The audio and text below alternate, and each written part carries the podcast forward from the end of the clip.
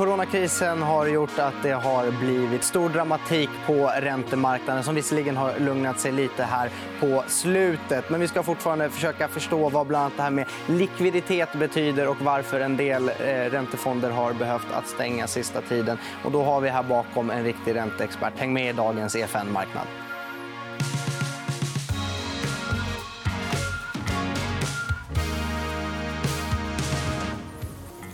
Maria Ljungqvist, välkommen till EFN Marknad. Tack. Hur är, hur är dagarna för dig när det är så mycket som händer? Oj, ja, det, även om vi inte har gjort så mycket affärer på senare tid eh, så har det ändå varit en väldigt utmanande period, minst sagt.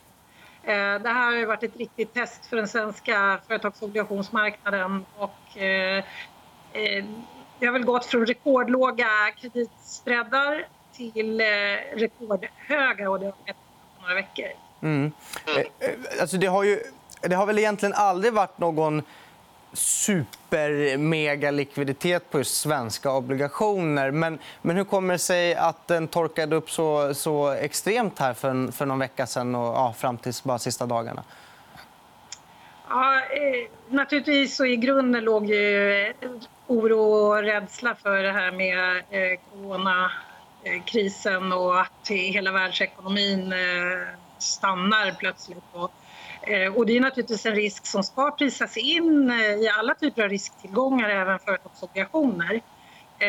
Det som är lite problemet med den svenska företagsobligationsmarknaden det är att den domineras av fonder. Det är alltså väldigt många likartade aktörer som agerar. De är oftast då köpare allihopa samtidigt och säljare samtidigt. Och eh, får de utflöden då, ja då är de säljare samtidigt. Och det var det som hände. Och, eh, det blev väldigt svårt att göra affärer och väldigt svårt att eh, hit, se var marknadspriset egentligen låg. För att om du inte omsätter ett papper på väldigt länge, då vet du ju inte heller riktigt vad priset är. Och alla papper har ju inte varit omsatta på senare tid. Nej. Eh, hur skiljer sig då... Såg det likadant ut runt om i världen eller var Sverige lite extra hårt eh, drabbat? Så att säga? Jag är själv inte aktiv på eh, euro och dollarmarknaden men det har ju, kreditspreaden har ju ökat jättemycket där också och eh, därmed har ju eh, företagsobligationsfonder fallit i värde väldigt mycket även där. Eh, men jag tror att den svenska marknaden är eh, nog mer problematisk eh, än dem när det gäller det här med likviditeten. Att handeln i förra veckan nästan helt stannade av. Men om man fick önska, då, hade du, hade du hopp, velat att framöver att det kommer in fler aktörer som är med och handlar på den här marknaden som, som kanske inte är fonder för att det ska bli en mer dynamisk likviditet? Eller om man, om man fick ha lite önsketänkande? Absolut, och ska man se lite positivt på det här så tror jag att eh, det som har hänt nu gör det faktiskt lite lättare för sådana aktörer att ta sig in. Eh, deras... Ibland är de lite för stora, då, eller tror att de är för stora för den här marknaden. Men, men nu finns det ju faktiskt fantastiska möjligheter att göra bra affärer, tror jag. Man måste ju naturligtvis väga in att konkursrisken i företagen har ju stigit markant på grund av det som händer i omvärlden. Men Eh, kreditspreaden har gått isär jättemycket. Det finns en likviditetspremie där så man kan plocka upp ganska korta obligationer på väldigt attraktiva kurser eh, och ha dem till förfall och få väldigt, väldigt bra avkastning. Ser du eh, bättre affärer än på länge på den här marknaden? Eh, jag ser fantastiska möjligheter för den som har eh, kassa att investera. Ja. Mm. Eh, om, om, du får jämföra det vi har sett de senaste veckorna med tidigare kriser vi har sett i världen, eh, 2008 till exempel men, men också skuldkris 2011-12. Eh, hur, hur, var det här, hur sätter du in det här i jämförelse? Eh, ja, svenska obligations, företagsobligationsmarknaden var ju inte så eh, utvecklad eh, då. Men vi har ju sett eh, ett dramatiskt fall då på statsobligationsräntor. Det är en flykt i kvalitet. Eh, det är ju samma. Och tittar vi i omvärlden då så ser vi också att eh, vi har ju inte nått de nivåerna på kreditspreadarna som vi hade 2008 men vi är väl någonstans där vi var 2012. Eh, och det säger ju en del. Eh, och i Sverige är det ju faktiskt eh, högre kreditspreadar än 2012 skulle jag nog säga. Om det går att säga exakt var priset ligger. Det är lite olika beroende på papper faktiskt, huruvida det är omsats mm. hur, hur beroende är företagsobligationsmarknaden just nu av att eh, aktörer som till exempel Riksbanken är inne och stimulerar och intervenerar? Eh, det betyder ju eh, naturligtvis en hel del för psykologin. Att de, bara det faktum att de har sagt att eh, de öppnar upp för att eh, köpa företagsobligationer Däremot har de ju inte börjat med det än utan de har sagt att de ska köpa företagscertifikat som är den korta löptiden, motsvarighet till en företagsobligation fast med väldigt kort löptid kan man väl förenklat säga. Eh, så de börjar där och med ratade papper, alltså emittenten ska ha en officiell rating. Eh, det är än så länge väldigt lite volym det handlar Man hoppas väl på den här psykologiska effekten men jag tror att de kommer få köpa lite mer om det ska få någon bestående effekt. Eh, och det viktiga är att man också i och med det här lockar in lite fler eh, investerare. Och det vi har sett de senaste två dagarna är faktiskt eh, lite bättre ratade bolag som har varit ute och emitterat och det är vi jätteglada för att de faktiskt har kunnat göra.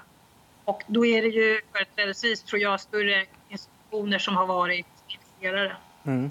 Vi, vi, såg ju lite här nu att, eh, att företagsobligationsmarknaden följde aktiemarknaden ganska väl. Eh, I och med att när aktiemarknaden föll, och föll obligationsmarknaden också. Eller om det var den, vilken som nu var hönan och ägget är en, en annan femma. Men, men de, de sparare som vill investera i obligationer mer för att sprida risker från aktiemarknaden. Eh, hur ska man tänka när man vill ha låg risk på, på obligationer? Ska man bara köra Morningstar-ratingen rakt av när man letar obligationsfond? Eller hur ska man man tänka om man vill, vill riskhantera där? Mm.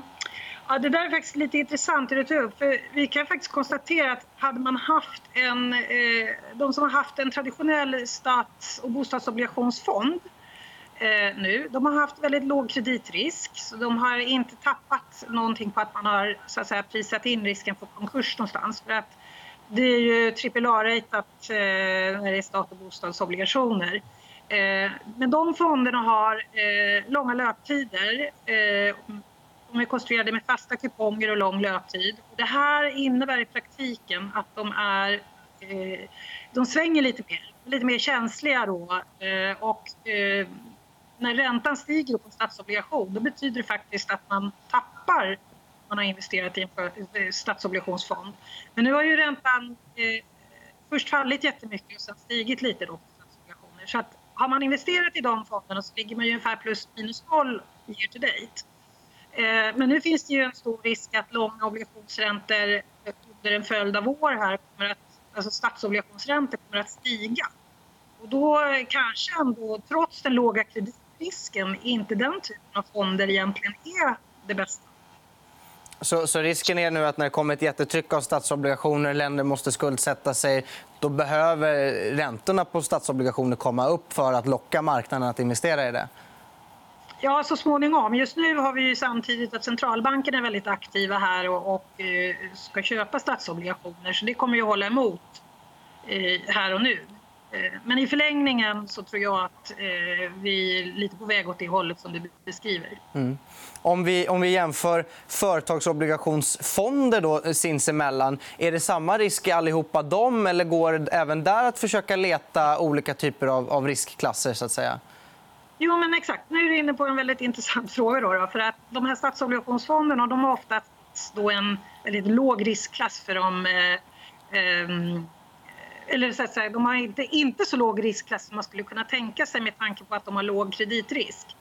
Eh, utan riskklassificeringen bygger ju på att man mäter då hur mycket eh, det svänger i prisbilden. Och eftersom de då har den här långa löptiden så svänger de mycket och eh, då får de en högre risk. Eh, tittar man på företagsobligationsfonder så investerar de ofta i något som heter FRN. Har man hedgat bort den där eh, känsligheten för rörelser i det allmänna ränteläget.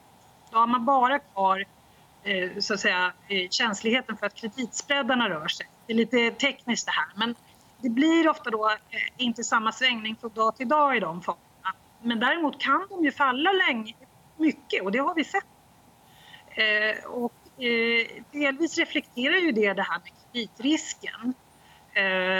Men det har ju också varit en överdriven reaktion på grund av bristen på likviditet. Och de här faktorerna är svåra att fånga upp i den där riskklassificeringen. De, de finns inte, i alla fall, de reflekteras inte. Utan det är bara volatiliteten, svängningarna som reflekteras i risk. Så att, ska man välja företagsobligationsfond så ska man inte riktigt gå på det här med riskklass alltså, utan man får helt enkelt ta reda på vad fonden egentligen investerar i.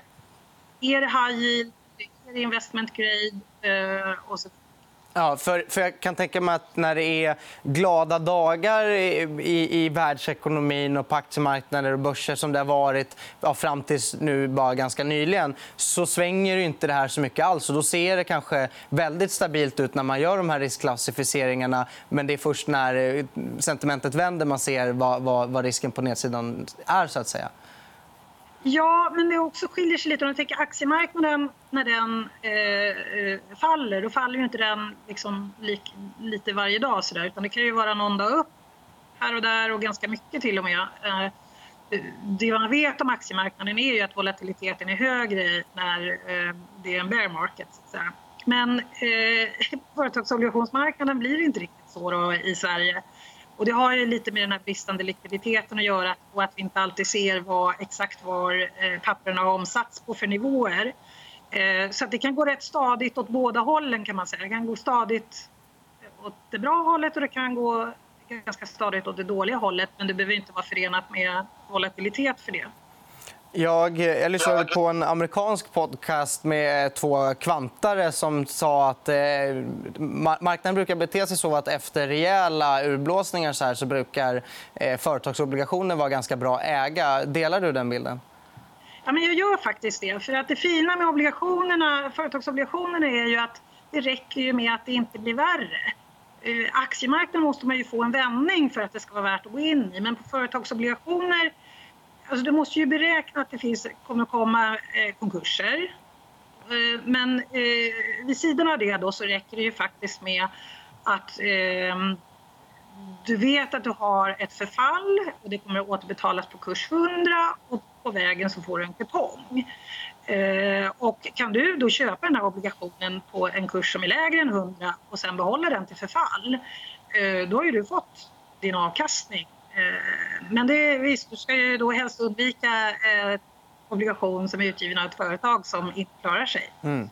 Eh, och det är ju utmaningen. Men, men det är intressanta nivåer nu på företagsobligationsmarknaden just av den här anledningen som jag beskrev. Och i takt med att fonderna får förfall så kan man ju också investera då i nyemitterat som då kommer att emitteras på betydligt högre kuponger än vad vi har sett eh, förra året till exempel. Som där det var tvärtom. Eh, företagen lånade otroligt billigt. Eh, vi ska hinna med lite tittarfrågor också från Twitter. Eh, vi har bland annat eh, Sven Brain som undrar när kommer inflationen tillbaka och kommer den snabbare nu efter alla stimulanspaket. Jag är verkligen inte orolig för inflationen här och nu. Utan nu kämpar centralbankerna framför allt Eh, Eh, med att motverka deflation. Eh, och eh, av erfarenheten då från Lehman så vet jag att när man har ett så här stort bortfall i produktionen som vi får nu, som kanske är ännu större än vad det var då, eh, så kan det dröja väldigt länge innan man eh, ser inflation igen. Det är klart att det kan uppstå vissa flaskhalsar när man ska starta upp igen här så småningom. Men, men eh, arbetslösheten kommer att ha stigit, eh, efterfrågan kommer att vara rätt låg. Eh, så jag ser inte inflation i närtid trots de här stimulanserna. Eh, faktiskt inte. Mm. Eh, sen har vi en annan tittarfråga från Till slut som undrar vart räntan tar vägen om det nu skulle komma hög inflation. Men, ja, det låter inte som att hög inflation är så troligt. Då. Men om vi tänker det teoretiska scenariot. Ja, nej, jag tänker mer i termer av det som vi pratade om förut. Då, att, eh, jag tror att vi bara står i början av eh, en rad av finanspolitiska stimulanser. Exakt hur det ska gå till i de här länderna som redan har ett hög statsskuld, det, det vet jag inte. Men, men det finns eh, en del länder som kommer att stimulera betydligt mer än vad de gjort på decennier. Och det kommer ju visa sig i högre statsskuld, högre utbud på statsobligationer och det i sig kommer till slut att trycka upp statsobligationsräntorna. Så jag tror att vi har sett en vändpunkt faktiskt när det gäller statsobligationsräntorna. Mm. Eh, och sen så har vi också en fråga från Christian eh, som undrar hur det kan tänkas bli med räntan i USA med alla pengar som tryckt, trycks och andra stimulanser. Ja, det, är, det är också på lite samma eh, väg som de andra och hur det påverkar räntan på lån och obligationer. Ja, jag tror, nu har ju USA inte riktigt lika eh, bra offentliga finanser som Sverige faktiskt. Men, men det är väl ändå ett land som man kan tänka sig kommer att stimulera mer och mer. Eh, vi står inför en exceptionell eh, situation faktiskt och eh, jag tror vi kommer se mycket mer finanspolitik i många länder än vad vi har sett på många år. Finns det någonting med det som oroar dig? Ja, det är klart att höga statsskulder är ju inte bra. Ehm, men eh, jag tror att just nu får vi oroas för att försöka hålla fart i ekonomin och se till att företag inte går i konkurs. För att har vi företag som tar sig igenom det här då har vi mycket bättre chans eh, så att, säga, att få fart på ekonomin igen. Men hinner de gå i putten då, då kan det bli liksom tufft att försöka få igång eh, eh, ekonomin. Så det gäller ju att hålla liv i vår, våra små och stora företag här och nu så att vi kommer igenom den här fasen. Mm. Tusen tack för att du var med i dagens EFN Marknad, Maria Ljungqvist. Eh, och till er tittare så vill jag också passa på att säga att om ni också vill vara med och ställa tittarfrågor så följ oss på EFN TV på Twitter eller Instagram. Och sen så vill jag också passa på att eh, säga till dig som tittar på det här på Youtube att klicka på prenumerera på vår Youtube-kanal. Tack så mycket och trevlig helg.